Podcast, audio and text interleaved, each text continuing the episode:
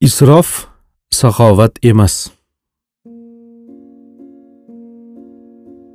Isrof deganda keraksiz narsalar uchun behudaga pul sarflash foydasiz sarf xarajatlar va harakatlar tushuniladi. Inson tabiatan isrofgarchilikka moyil jonzot sanaladi. Har qadamda molini behuda sarflaydi. Ko'plarimiz bu sohada isrofgarlarning isrofgariga aylanib bo'lganmiz. Mashaqqat va hamma narsadan o'zimizni tiyish qaytarishlar evaziga yillar davomida misqollab yiqqan molimizni nom chiqarish maqsadida qilingan keraksiz bir marosim ma'raka uchun bir kechada sovurib yuboramiz. Biror buyumning masalan ulov ro'zg'or ashyosi yoki kiyim kechakning arzonrog'i turgani holda boshqalarni lol qoldirish uchun eng qimmatini sotib olamiz. Hatto kimoshdi savdosidan xarid qilamiz. Suv oziq ovqat kiyim bosh yoqilg'i va boshqa ne'matlarni isrof qilish sohasida-ku har qanday millatni ortda qoldiramiz. Isrofning katta kichigi yo'q. Bir zamonda sholim aytganidek isrofning eng kichigi taom yegan kosangdagi yog' yukini tozalamaslikdir. Nom chiqarish obro' qozonish boshqalardan ustun yoki puldor ekanini ko'rsatish uchun uylarni haddan tashqari hashamatli va dabdabali qilib qurish ularni xorijdan keltirilgan qimmatbaho ashyolar bilan jihozlash yangi urf bo'lgan modadagi kiyimning izidan pul sochish ziyofat va marosimlarni boshqalarnikidan bir necha barobar dabdabali serchiqim qilish ham davrimizdagi isrofning ko'rinishlaridandir. Toshkent to'yxonalaridan birida o'tkazilgan marhumni xotirlash marosimi dasturxoniga tortilgan ne'matlarning ko'pligidan rang barangligidan qimmatbaholigidan hamma hayratda qoldi. Hatto mehmonlardan biri taajjubini yashira olmay pul topilibdi-yu ammo sal haddidan oshibdi-da deb yubordi. Shunda marosimga kelgan otaxonlardan biri mezbonning takallufini oqlamoqchi bo'lgandek ha endi Alloh davlat beribdi shunaqa savobli ishlarga sarf qiladi-da agar uni ichkilikka xotinbozlikka yoki qimorga sochib yuborganida nima deya olardik deb tasalli berdi. Bunday kishilar oramizda bor. Unga mo'l ko'l davlat berilgan bo'lsa insonchilik tufayli buni elga bildirgisi keladi. Katta sarflar bilan o'zining nimalarga qodirligini ko'rsatmoqchi bo'ladi. Namanganning yangi shahar qismida yashovchi bir ayolning hikoyasiga quloq soling. Erim vafot etib uchta bolam bilan ikki xonali domda nafaqasiz qoldik. To'g'ri ochimizdan o'layotganimiz yo'q. Alloh tirik bandasining rizqini berib turar ekan. Lekin hozir osmondan chalpak yog'ilarmikin deb kutib o'tiradigan payt emas. Qolaversa sendan harakat xudodan barakat degan gap ham bor. Ishlay desam hech qayerda bo'sh o'rin yo'q. O'ylay o'ylay bir qo'shnimning maslahati bilan yonimizdagi xonadonda turadigan boyvachcha yigitning uyini tozalab turishga yollandim. U tumanlardan birida yashaydi. Dam olish kunlari ulfatlari bilan bazm qilish uchun shu xonadonni sotib olgan. Shartlashganimizga ko'ra ularning bazmi tugab tumaniga ketganidan keyin xonadonni yig'ishtirib tozalayman. Lekin har gal tozalagani u yerga kirganimda xo'rligimdan yig'i keladi. Yeb ichilganidan ortgan qancha qancha qimmatbaho pishloq qo'lbosti kolbasa qazi shokolad kabi ne'matlar meva chevalar shundog'icha yaroqsiz holda qolaveradi. Chunki egasi ruxsat bermagani uchun men bolalarimga yedirishdan tiyilaman. So'ragani yuzim chidamaydi. O'chirib ketilgan muzxonadagi ortib qolgan anchagina go'sht yog' tansiq taomlar ham aynib bo'lgan faqat chiqarib tashlash kerak xolos. Axir ketayotganida meni chaqirib mana bularni saramjomlab oling desa asakasi ketarmikin?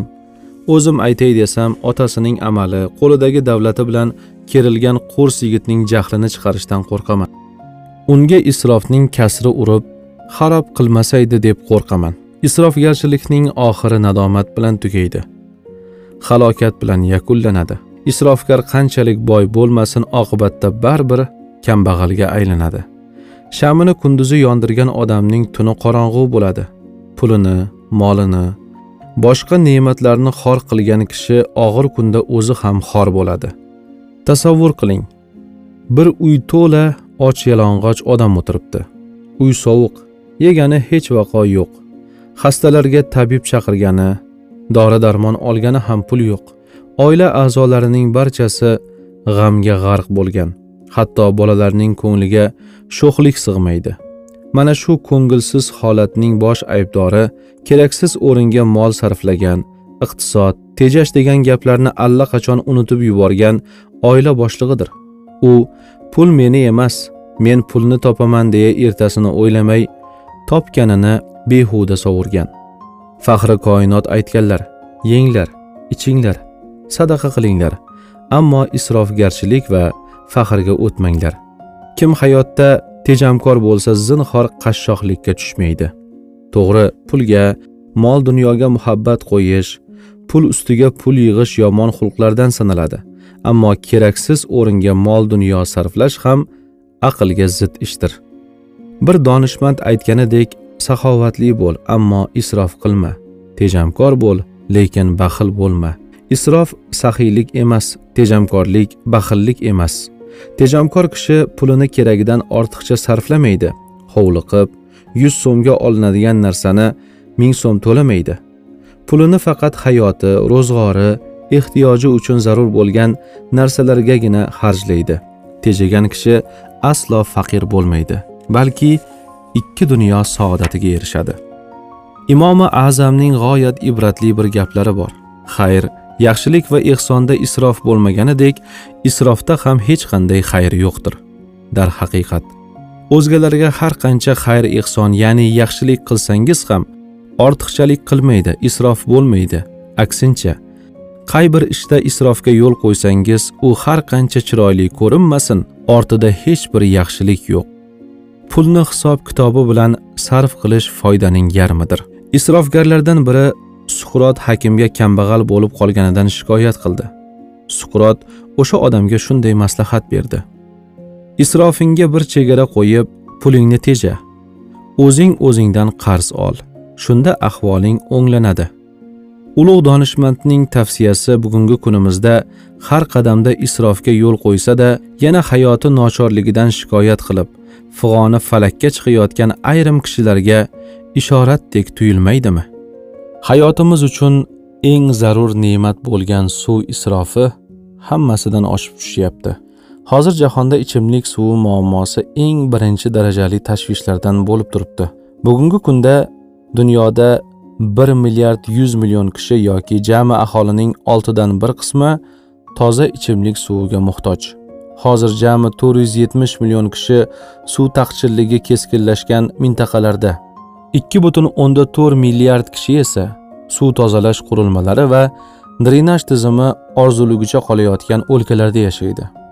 Yana 20 yildan keyin suv yetishmaydigan o'lkalarda yashovchilar soni 6 baravarga ko'payib, 3 milliard kishiga yetishi kutilmoqda. Sifatli ichimlik suvi yetishmasligidan jahonda yiliga 10 million kishi kasallanib, nobud bo'layotir. Dunyoning juda ko'p mamlakatlarida millionlab odamlar toza ichimlik suviga tashna. Bir chelak suv uchun janjal mojarolar bo'layotgan bir paytda bizlar toza ichimlik suvini jo'mraklardan oqizib qo'yyapmiz. Nega bunday desangiz, sovuqda muzlab qoladi deb bahona topamiz. Toza ichimlik suvi bilan ekinlarimizni sug'oramiz, mashinamizni yuvamiz, hovlilarimizni, ko'chalarimizni salqinlatish uchun ichimlik suvini sepamiz.